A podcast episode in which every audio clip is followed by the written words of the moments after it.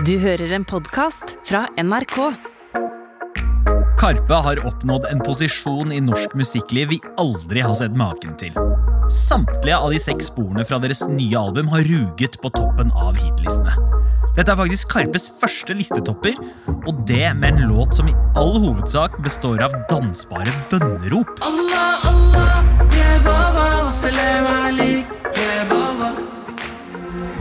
Det kan man trygt si aldri har skjedd før. Chirag og Magdi har solgt ut landets viktigste konsertarena 14 ganger og har levert noen av de mest spektakulære liveopplevelsene på norsk jord.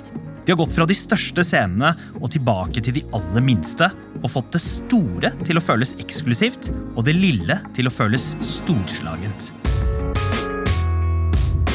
Men utover deres musikalske bragder har Karpe også vært med på å forme Norge til det det er i dag. I løpet av de siste 20 åra har de gått fra å lage lettbeint, jovial poprap til å rope ut konfronterende samfunnskritikk i musikken sin. Og jo da, det er jo mange som sier at de savner gamle Karpe. Men det du forbinder med Karpe i dag, har vært der helt siden dag én.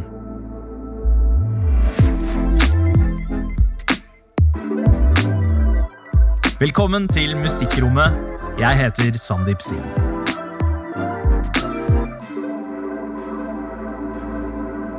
Jeg tror det er veldig viktig at vi som nordmenn med innvandrerbakgrunn tør å implementere de referansene vi har fra innvandrerdelen vår, inn i det å være norsk. Det vil være kulturell fremgang. Ingen er tjent med, og det er undervurdering av etniske nordmenn, å tenke at nei, det bare holder jeg i en boks for meg selv.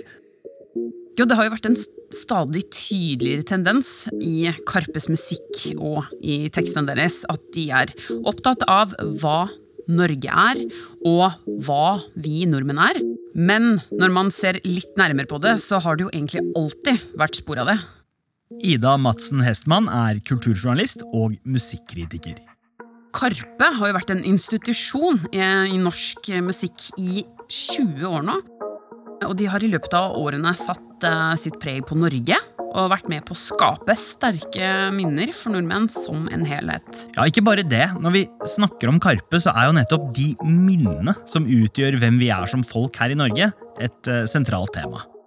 For Chirag og Magdi er to gutter med minoritetsbakgrunn fra Uganda, India, Egypt og Norge, som har vokst opp i Oslo. Og dermed deler de kollektive minner med hele landet. De norske minnene. Men så har de jo også de minnene som sitter sterkere hos minoriteten i Norge. Flerkulturelle minner som de er blant de første i landet til å virkelig speile for allmennheten i musikken sin. Ja, eh, og de har jo jobba knallhardt for å komme i den posisjonen som de har i dag. Karpe i 2022 viser jo den flerkulturelle identiteten og stoltheten de har for den, eh, sterkere enn noen gang tidligere. Allah, Allah, yeah, Baba, salam alik, yeah, Baba. Allah, Allah, yeah, Baba, salam alik, yeah, Baba. Jeg veit at du tror, yeah, Baba, at jeg blir stor, yeah, Baba. Allah, Jeg har jo fulgt med på Karpe siden eh, starten, og eh, som både rap-interessert og en fyr med indisk bakgrunn, eh, det har ikke vært mange av oss i det lille rap-miljøet, eh, så har jeg også blitt litt kjent med Chirag. Da Carpe Diem starta, så rappa jeg på engelsk. Versene mine på engelsk og Magdi på norsk.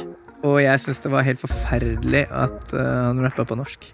Så jeg prøvde å få han til å begynne å rappe på engelsk. Han prøvde å få meg til å rappe på norsk. Det er det ikke mange som vet.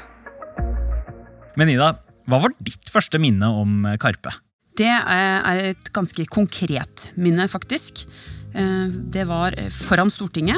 Året var eh, 2002. Ja, ey, alle vil ha penger, bil, stort hus, gull og glitter. Våkne hver dag til solskinn og fuglekvitter. Men slutt å drømme, ta en stol, jobb deg mens du sitter. For Karpe bringer sannheten, og den er bitter. alle vil ha penger, bil, stort hus, gull og glitter. Våkne hver dag til solskinn og fuglekvitter. Men slutt å drømme, ta en stol, jobb deg mens du sitter. For Karpe bringer sannheten, og den er bitter. Eh, Det er en demonstrasjon for gratis skolebøker. Og der står det en duo som heter Carpe Diem med C. og skal rappe litt for oss. Og har et par eh, politiske tekster, eh, men også noen linjer om Buffalo-sko og slike ting. Og For å komme inn på samfunnsengasjementet til denne duoen, så er det jo viktig å forstå hva Norge var for 20 år siden.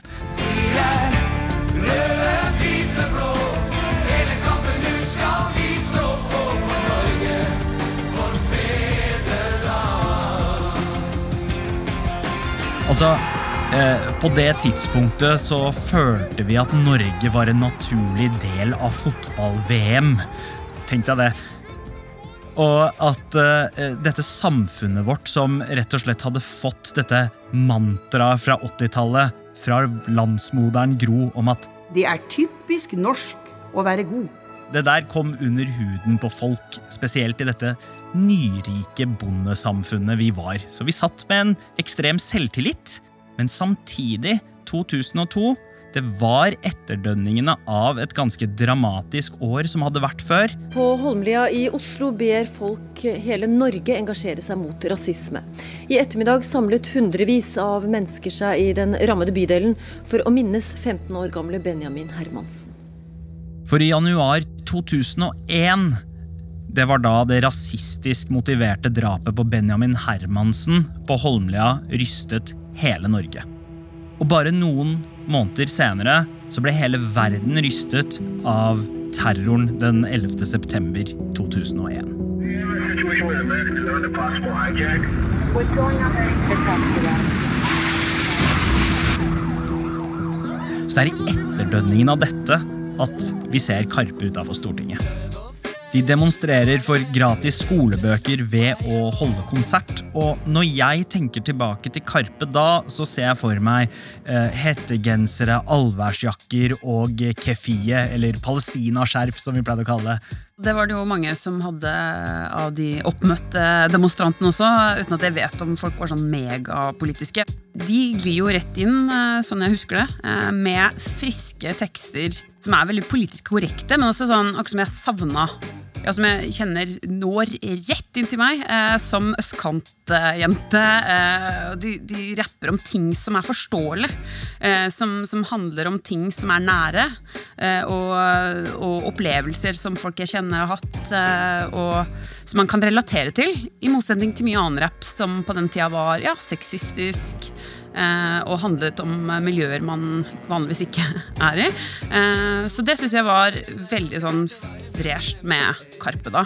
Ikke bare var de eh, tidlig woke, men eh, de hadde også en karisma og en eh, positivitet som gjorde at de skilte seg ut fra andre rappere, som alltid skulle være så fordømt sinna. Ja. Mm. Og det viste jo at de hadde potensial til å nå frem til mange flere folk mm. enn andre. Ja, ikke sant? De kødda jo veldig med humorrapping, liksom. Det var å parodiere ting og, og liksom virkelig omfavne den derre stereotype utlendingrollen, liksom. Men uh, selv om de skilte seg ut fra andre rappere med denne positiviteten sin, med den politiske bunnen, så var de også en del av hiphop-miljøet. Det var mange som heide på dem. Og så hadde de jo noen forbilder som de da ville følge fotsporene til. Det er jo bare å gjøre Carpe Diem mer kjent, på en måte, så folk veit hvem vi er. Fordi vi jobber jo mot å altså, Gidder ikke å stresse noe, men en lang dag så håper vi på å gi ut noe, vi òg, sånn som alle dere store gutta gjør. Så Men altså Ja, vi, det er det, liksom. Bare prøve å Bli kjent. Det er egentlig bare å skrive tekster og holde konserter. Helt det, er det er jo det som er gøy. ikke sant? Jeg så nettopp 8 Mile, og da kjente jeg meg noe sinnssykt når han sitter på bussen med Så jeg går alltid med penn i lomma. Og papir i lomma. Disse to yplingene ser jo veldig opp til eh, de store rapperne og er veldig gira på å være en del av dette nyetablerte hiphop-miljøet i Norge og Oslo. Og gjøre som heltene, gi ut musikken sin. Og det leder oss til 2004, eh, når Carpe Diem, nå med K, eh, er klare med sin første EP, Glasskår. Og det er jo her eh, forholdet til Karpe starter for en del hiphop-fans. Hele Oslo ser stickers klistret opp på T-baner, lyktestolper over hele byen med litt sånn graffiti-estetikk, tegneserier eh, i svart-hvitt som snakker om Karpe. Hæ? Hva er det? Hva er glasskår? Eh, og får et forhold til da disse T-banekidsa fra Oslo vest. Ja, og som jente på den tida så syntes jeg det var veldig fresht at de inkluderte jenter i outsider-universet sitt eh, ved å unngå den sexismen som mange andre rappere dreiv med på den tida. Og det appellerte jo veldig til meg. Tidlig Karpa hadde jo masse eh, tunge budskap eh, som de fremførte på nærmest overtydelig vis. Fett å bo et land du vil ha meg ut av. Pass deg, pass deg, bunad blir burka. Fett å bo i et land du vil ha meg ut av. Pass deg, pass deg, bunad blir burka. Og med Glasskår-EP-en så brøt Karpe gjennom eh, ved å skille seg ut fra resten av Rap-Norge ved å lage fengende og sjarmerende låter med en politisk bunn. De bruker erfaringer fra sitt eget liv på en måte som eh, veksler mellom alvorlig og selvironisk, men alltid inkluderende. For på dette tidspunktet så er rap i Norge stort sett gjort av hvite karer for hvite karer. Men Karpe stepper opp og viser at eh, rap er også for jenter og flerkulturelle nordmenn. Eh, og som det jo egentlig alltid burde vært, uh, for rapp springer jo ut ifra uh, marginaliserte og undertrykte grupper. Eh, og sånn sett så burde det vært naturlig at kvinner og minoriteter eh, skulle vært kjernepublikummet for rapp generelt. Og denne brede appellen til denne smilende duoen kommer virkelig til sin rett på deres neste utgivelse. Ring meg når du skal til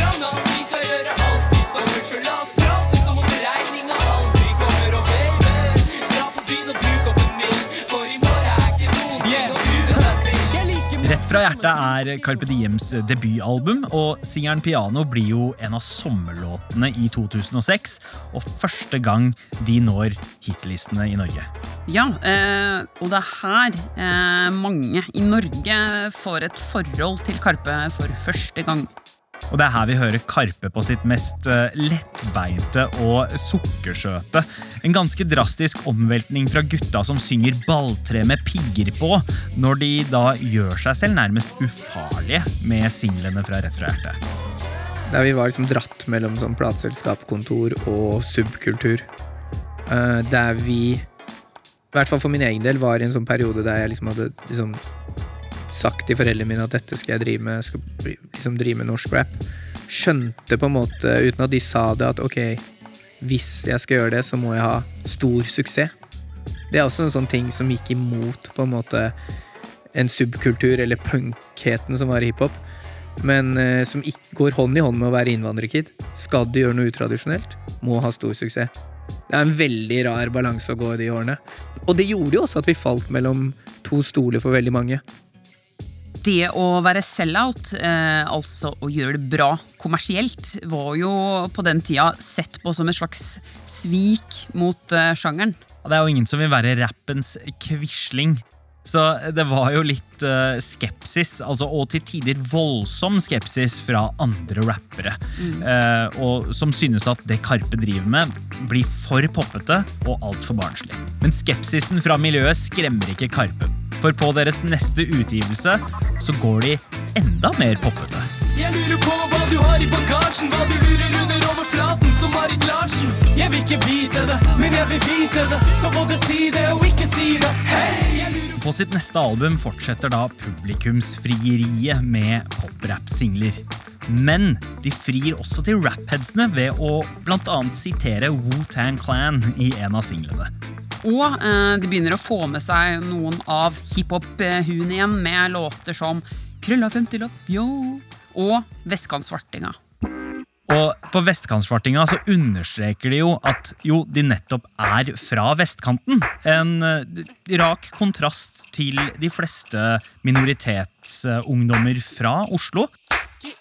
For å etternavn de sleit med i timen. Eneste araberen, eneste muslimen. Bendik, Henrik, Preben, Oda, Vibeke, Thea, Tobias, Fredrik, Nora, frøken. Pust inn og slapp av deg, Magdi, Omar, Mohammed, Abdel, Megid, Mustafa. Eller ytre deg om du vil. Og jeg ville ikke bytta navnet mitt mot en mild, kanskje to. Hvor er du bor nå? Og denne kontrasten forsterker de ved å få med seg Pumba fra Holmlia, som da er en av barndomskompisene til den drepte tenåringen Benjamin Hermansen. Er? Og det understreker at eh, Karpe er mer enn bare lett popmusikk. For hånd i hånd med radiosinglene så kommer minoritetsfortellingene deres tydeligere fram nå enn på forrige album. Og det er noe de tar med seg videre når vi kommer nærmere 2010. Tråkk ut av ruta for blåveis. Det er lenge siden blåveis betydde jævla vårtegn. Håndflata under haka når jeg drømmer meg vekk til onde tunge sier hva som sømmer seg. Og du har tapt, da. Skjønner du ikke det? Men jeg er drømmen, jeg er alt du ikke ble. Kaster meg fra fjellet, ligger nå i fritt fall. Jeg ser deg i ruta di, da øya til en tiltalt. Vit at du er skyldig og følger Med det kritikerroste albumet Aldri solgt en løgn blir Karpe etablert på den norske musikkscenen. De har fått mange nye fans, men fortsatt så er de eldste rapperne litt skeptiske, fordi på singlene i hvert fall, så har de beveget seg et godt stykke vekk fra hiphop. Ja, de fremstår jo mer som popstjerner, eh, men er eh, jo samtidig eh, seriøse rappere. For til tross for at de er ganske glad og feststemte, så har de også en annen side hvor de prøver å vise lytterne et annet perspektiv. Da. Fanget av blikk, fanget av blikk, fanget av blikk, fang. Rammet av litt savn, anger er stillstand. Du sa jeg var blitt, sa jeg var blitt, sa jeg var blitt navn. Hakker det bittsang, fuck it, jeg gir faen. Jeg har vært der i ti, vært der i ti, vært der i ti år. Med hjertet på byen vår, det har vært der siden i går. Og her har Chirag og Magdi gått fra å være unge og nærmest naive til å bli unge voksne. De har hatt spor av alvor hele veien, men det blir tydeligere her når de tar opp utenforskap på en hardere måte og erklærer kjærligheten til sin hjemby Oslo. Og ikke gått hele veien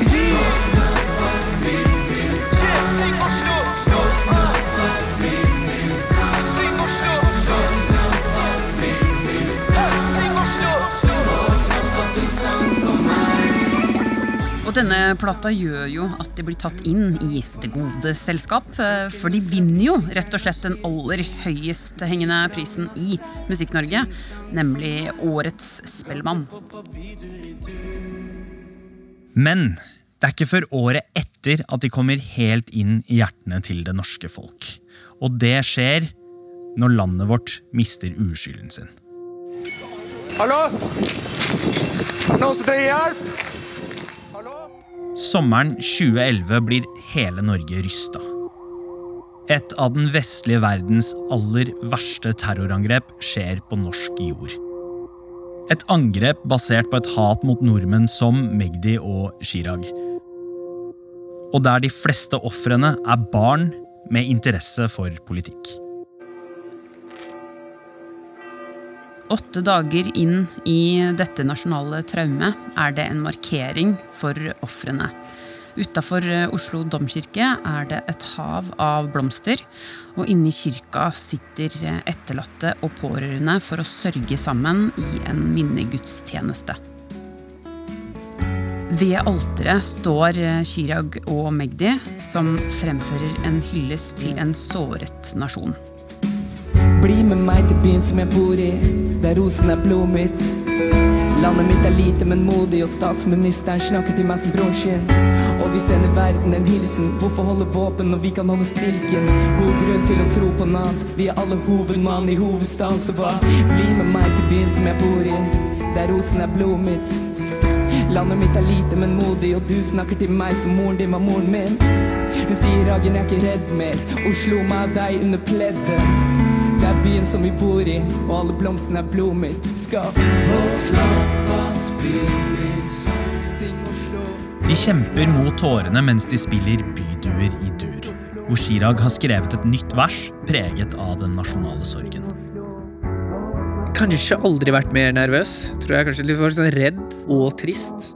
Men jeg syns jo at det var samtidig veldig fint å få lov til å, å føle at man kan gjøre noe som låtskriver. Det var, det var jo på en måte veldig givende også. Da. At det kunne bety noe for noen av de som satt der, det var, det var selvfølgelig blanda følelser på det. For du er jo også livredd for å ta et sånt ansvar.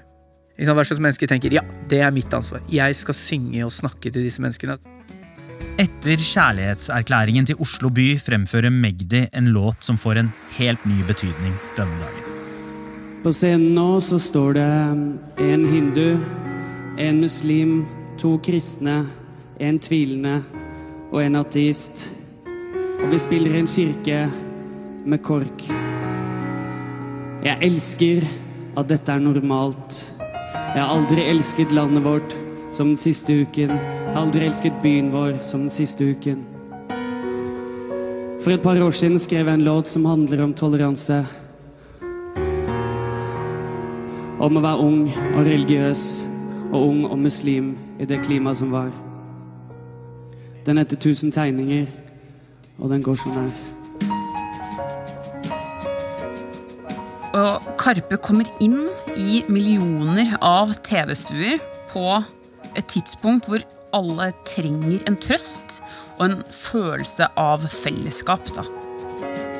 Er både svart og hvit, er både glad og trist. Han så på passet mitt og kasta blikk og traff meg. For jeg var fuglen på bakken, og han var tvunget til å ville kappe vingene av meg før jeg fikk sunget, sunget ut om profeten og om Gud.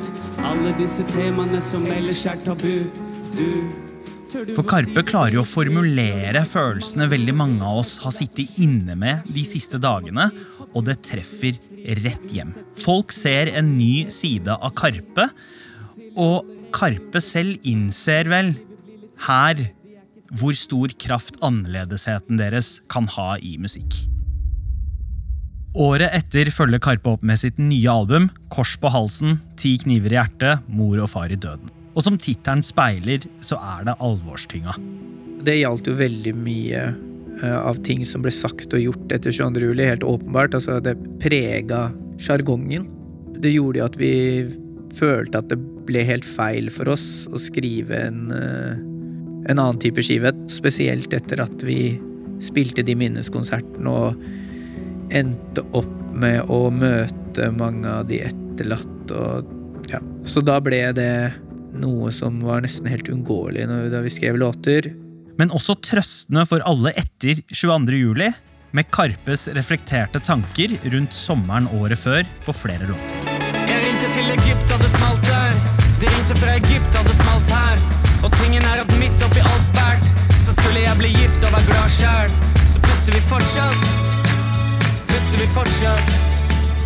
Puster vi fortsatt. Ja, eh, for låta her starter jo med å skildre en umiddelbar reaksjon på terrorangrepet 22. juli, da det først smalt i regjeringskvartalet. Men den tar jo også en eh, trøstende tørn. Ja, eh, for det er jo en håpefull og upbeat låt som først og fremst handler om kjærlighet til byen sin, eh, men med en litt mer alvorlig brodd enn tidligere Oslo-hyllester.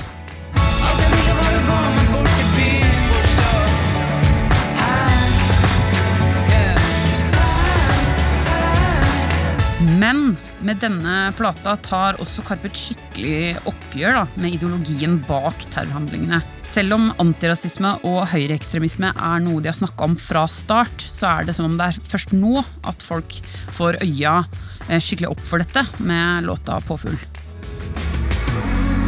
Fordi en jævel hata påfugler, tok den jævelen med seg grå kuler.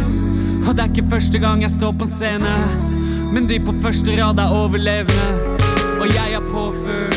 Man hører jo at eh, Magdi, som jo er muslim, føler eh, denne hatideologien som eh, står bak terrorangrepet, ekstra hardt på kroppen.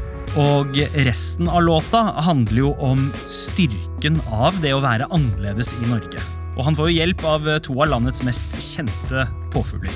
Jeg var broa mellom svart og hvit, og, alt imellom var som gråsonen på kartet mitt. Men vi kom oss gjennom, og på veien fant vi trappen dit opp. Jeg nådde toppen som er rundt, og fant ut har ikke et hjem. Så hvor er hjem nå?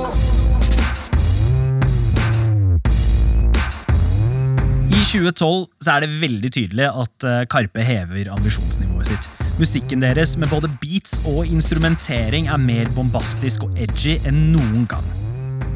Tematikken i tekstene er mer alvorlig, og de tør å stå stødigere i sine roller som flerkulturelle forbilder. Og ikke minst så tar konsertene deres et vesentlig steg opp. For dette er lyden av et sild. Lakken min er rød. Var ut av mamma dagen jeg ble født.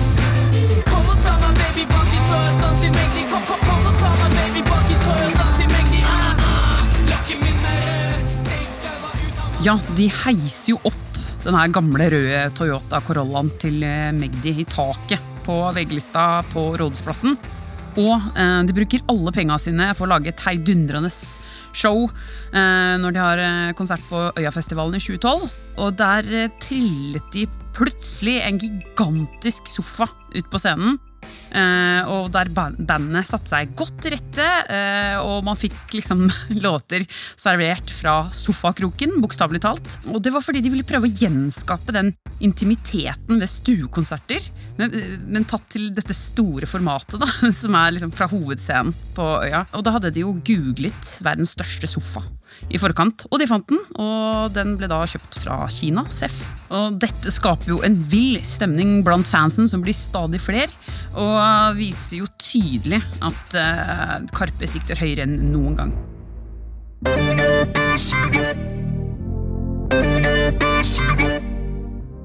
De ville kreative ideene, det alvorstunge mørket som skimtes i flere tekster, alt dette legger grunnlaget for det som fire år senere skal bli Karpes kanskje mest definerende verk.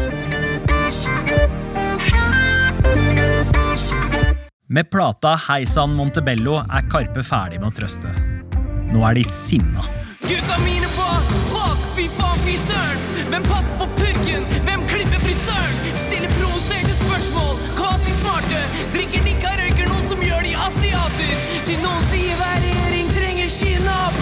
Alle syns at det er et godt ordspill, for det betyr to ting. Og det er på en måte kravet for noe sånt, yeah. Anders, Anders, Anders Andersen. Kjæringa mine sa noen kloke ord. Karpa åpna nok dører nå. Dette var en drastisk endring med en ekstrem utfordring av formatet. Det ble et markant skille.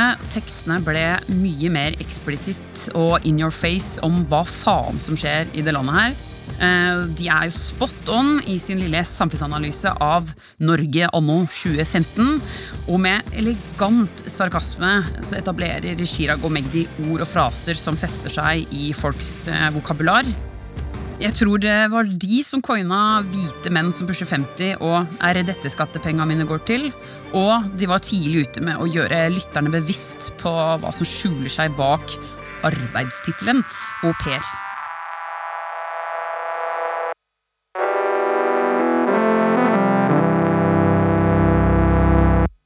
Karpe legger ingenting imellom på denne planen. De sier høyt og tydelig fra om hvilke problemer de ser i det norske samfunnet, og hva de mener er grunnene til dem. Og Samtidig som at tekstene er sintere og mer politiske enn noen gang, så er også soundet på sitt største og mest ambisiøse til nå. Altså, Påfugler bruser jo ekstra med fjæra når de er i konfronteringsmode. Dere er jo Karpe, dere er liksom symbolet på å si de riktige tingene. Dere skal si de riktige tingene. Noe som til slutt blir et fengsel. Fordi det går ikke hvis ikke vi føler at samfunnsendringen etter 22. juli går ikke i riktig retning. Så nå sitter vi her og sier floskler, da. Vi driver liksom snakker det barna i regnbuen prater, men det er ikke skjedd, og ingen praktiserer det. Eh, så da kom Heisa Montebello som en slags sånn eh, motreaksjon.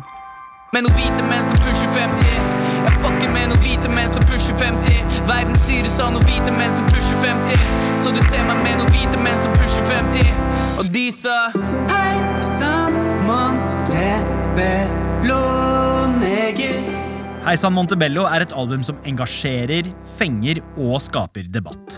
Karpe har brukt de fire siste åra siden forrige album til å virkelig innfri sine egne ambisjonskrav.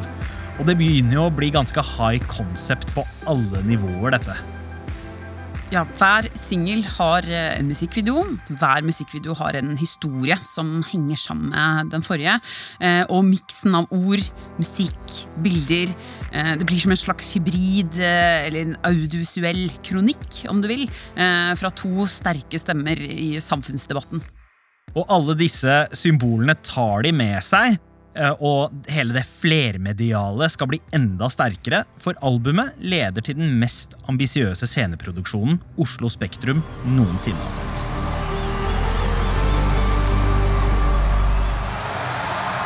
Stemningen er ekstatisk og noen ganger litt forvirra når en massiv scenerigg svever over publikum, og en hær av bevæpnede griser inntar arenaen.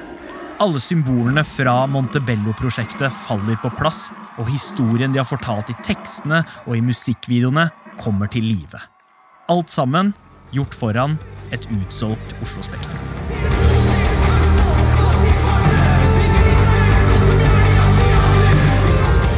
Og der, blant hylende fans, står også noen av disse gamle old school-rapperne som Chirag og Magdi i sin tid så, så opp til. Eh, Folk som tidligere har vært skeptiske til om disse to gutta egentlig hadde noe særlig å by på, og som lurte på om poprappen til Karpe ikke ble litt for barnslig og useriøs. Karpe, som skriver om mellommenneskelige ting som faktisk betyr noe. eh, som jeg føler at fungerer mye bedre på norsk enn å prøve å rappe hiphop på, på, eh, på norsk. Flere av de samme folka står nå i publikum og er berørt. Eh, fordi norsk hiphop endelig er blitt så stort som mange drømte om. Så jeg skal ikke oute noen, eh, men jeg kjenner gamle hiphop-head som innrømmer at de tok til tårene den helgen. Montebello-universet får sitt punktum med en konsertfilm som foreviger den minneverdige helgen i Oslo Spektrum. Blandingen av konsert og fiksjonsfilm får navnet Adjø Montebello. En passe overdådig avslutning på et av de største norske rappalbumene gjennom tidene.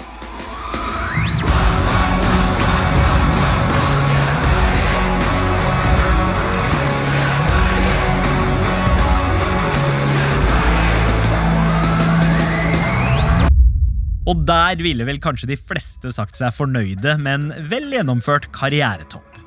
Men Karpe var ikke ferdig. For de er jo på vei mot noe enda større.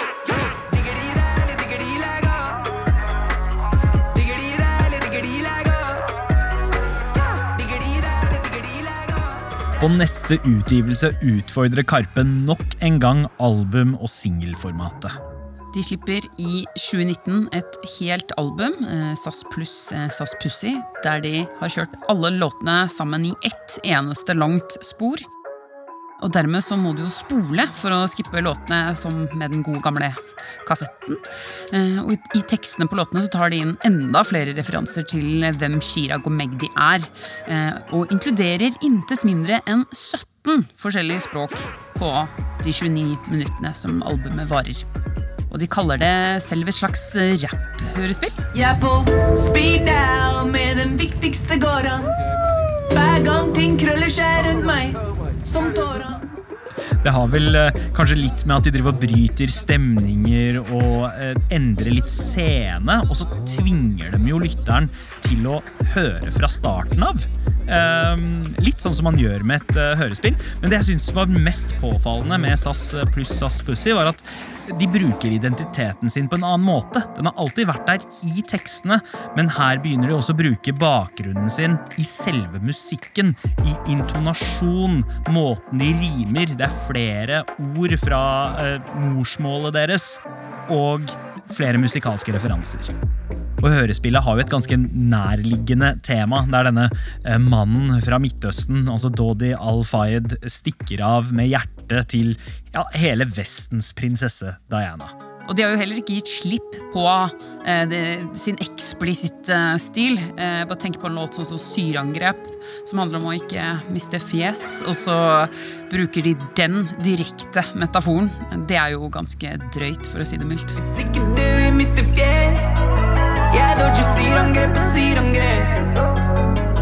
Bisatte den isete. Og Konsertkarpe mister det lille de har igjen av hemninger, og tar helt av. Ti ganger Spektrum blir utsolgt, som er det ordet Karpe liker enda bedre enn hiphop. Eh, og den blir riktignok utsatt pga. pandemien, men de legger ut på norgesturné og gjør små, eksklusive konserter på mindre utvalgte scener, hvor de lar publikum komme enda nærmere. Og den konserten jeg var til stede på, på Rockefeller, der hadde de jo plassert en boksering midt i salen som scene. For du vet, ingen putter Karpe i et hjørne.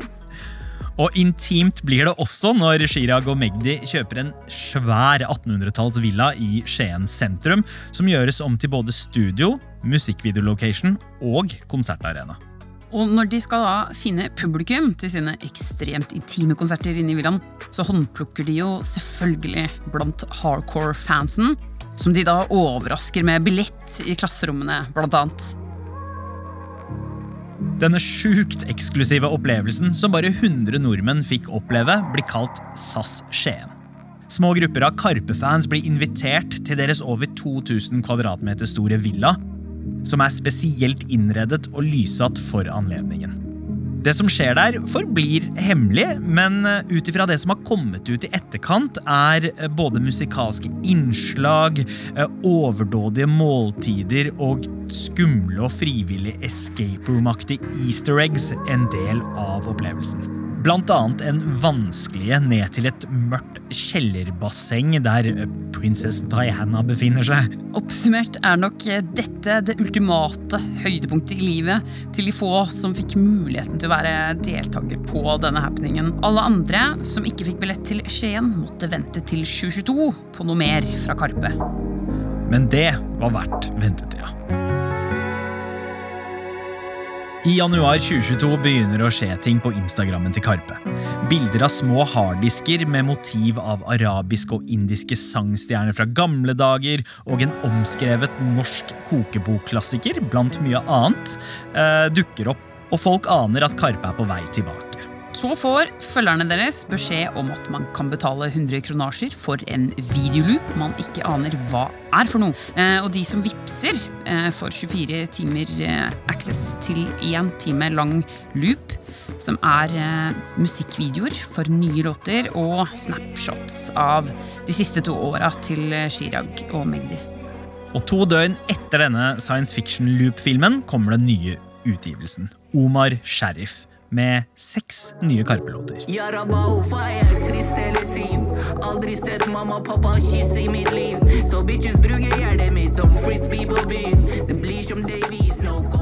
Og de tar hiphopens metode på alvor, altså ved å ta en sjanger som er lenger borte, og gjør den lokal. Eh, sånn som at vi gjør hiphop til norsk. ikke sant? Eh, det er lokalisering. Eh, og nå integrerer de flere ikke-vestlige sjangre inn i dette nye musikkuttrykket sitt. Indisk og arabisk blir blanda med det norske. Ja, Her siterer de jo fritt fra både altså, gamle tunisiske folkelåter, Bollywood-musikk, til og med franske svisker og dance-låter fra Tyskland. Og med det så lager de en slags verdenspop, eller diasporapop som de selv kaller det. Altså musikk for etterkommere av innvandrere, eller av dem, på en måte som ingen i Norge noen gang har engang tenkt på. Allah, Allah, ye baba. Allah, Allah, Ja, eh, største låta som nå topper singlista, er jo paff.no. Eh, en låt der de synger Allah, Allah i refrenget, eh, og en referanse til den tunisiske eh, folkesangen Sidi Mansour. Eh, Banger. Ja, jeg ser jo mildt sagt frem til å høre den i allsang inne i Spektrum eh, ti ganger på rad. Det er ganske sjukt at en låt som det topper lista i Norge. Plata er jo også full av eh, rørende monologer, eh, blant annet Magdi eh, som, som snakker til sin far. Eh, det er forholdet mellom eh, innvandrerforeldre og deres barn er veldig sterkt på denne plata her. Og så er det også en slags anerkjennelse av at eh, ja, de har nådd toppen. De De sitter på tronen og har egentlig forsont seg med at det blir ikke større enn Norge. Så på avslutningssporet Kenya så fantaserer de seg fram til at de spiller foran en fullsatt stadion i Mumbai.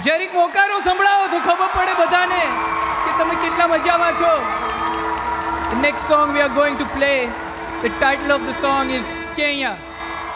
Foreløpig er det nærmeste de har kommet eh, den eh, drømmen, eh, en billboard med motiv av albumet til Omar Sharif i et veikryss i den indiske hjembyen til moren til Chirag. Selv om nedslagsfeltet i India er noe begrenset, er symbolbetydningen av dette enormt. I et India som styres av den nærmest hindufascistiske og islamfiendtlige statsministeren Rindra Modi, er en gigantisk billboard av albumcoveret til Omar Sharif et ganske sterkt budskap. Altså Et bilde av en hindu og en muslim som omfavner hverandre, rager over hjemtraktene til statsministeren. Og selv om denne betydningen kanskje ikke er like relevant her hjemme, har Omar Sharif tatt Norge med storm. Altså Det er ikke hverdagslig at hvert eneste spor fra et album okkuperer toppen av Spotify-hitlista. Og det sier jo litt om hvor mye Karpe betyr i Norge. En duo som jo nærmest non stop i 20 år har vokst foran øynene våre.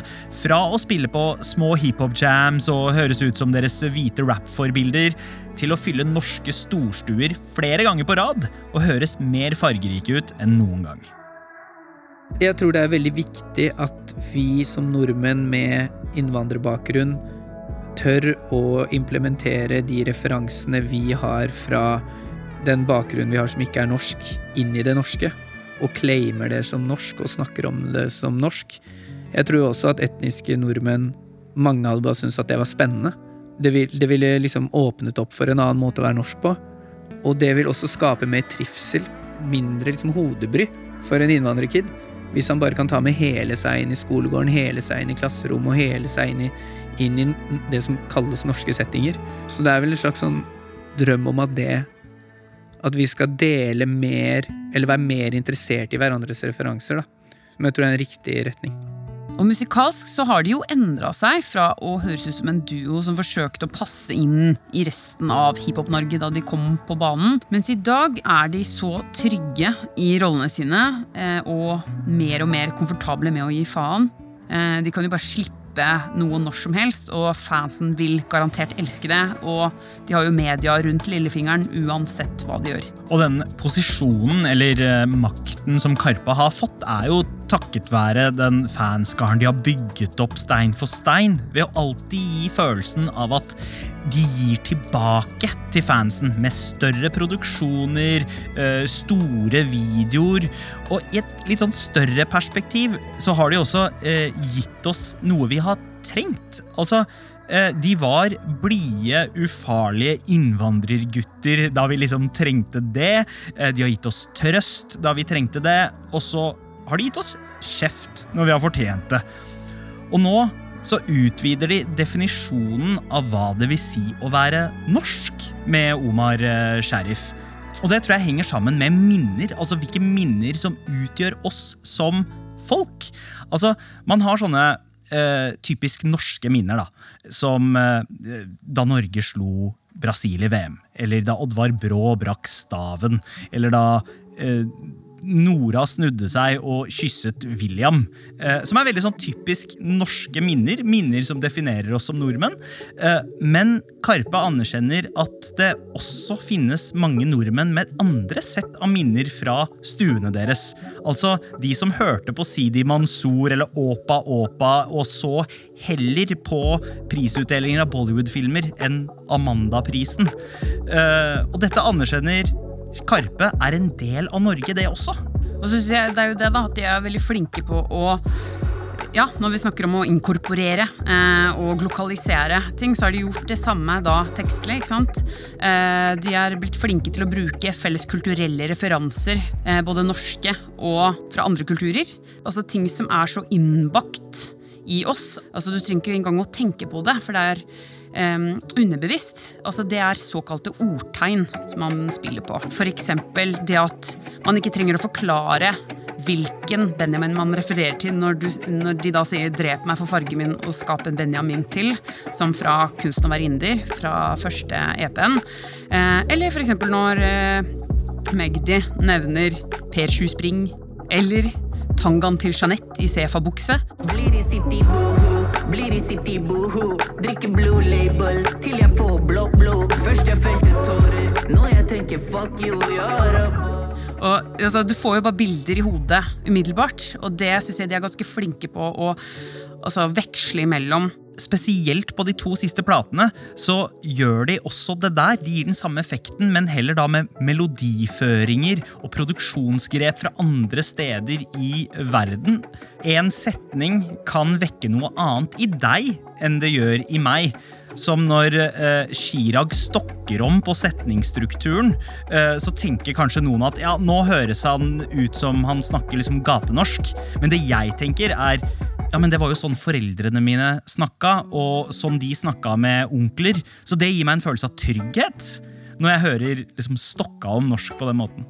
Og, og i forlengelsen av det, også sånn, den miksen da av ja, musikalsk musikalske bilder og referanser fra et annet sted, med kanskje norske eh, ord og uttrykk, da, som salmalaks.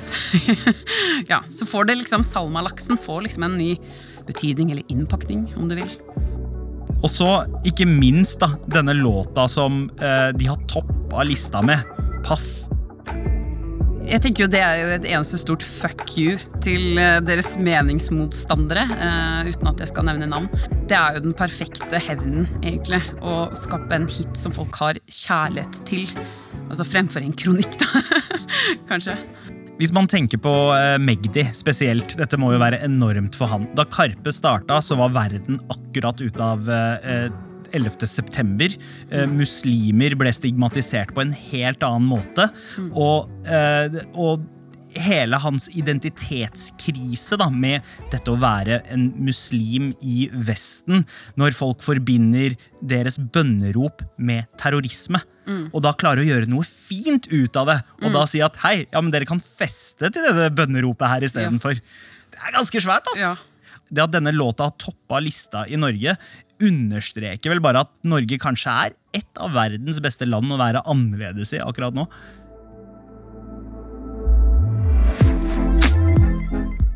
Du har hørt en episode av Musikkrommet. Hvis du likte det du hørte, anbefal oss gjerne til en venn.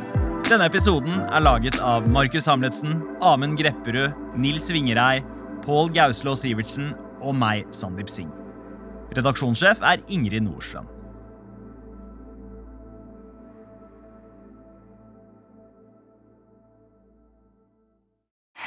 Du har hørt en podkast fra NRK. De nyeste episodene og alle radiokanalene hører du i appen NRK Radio.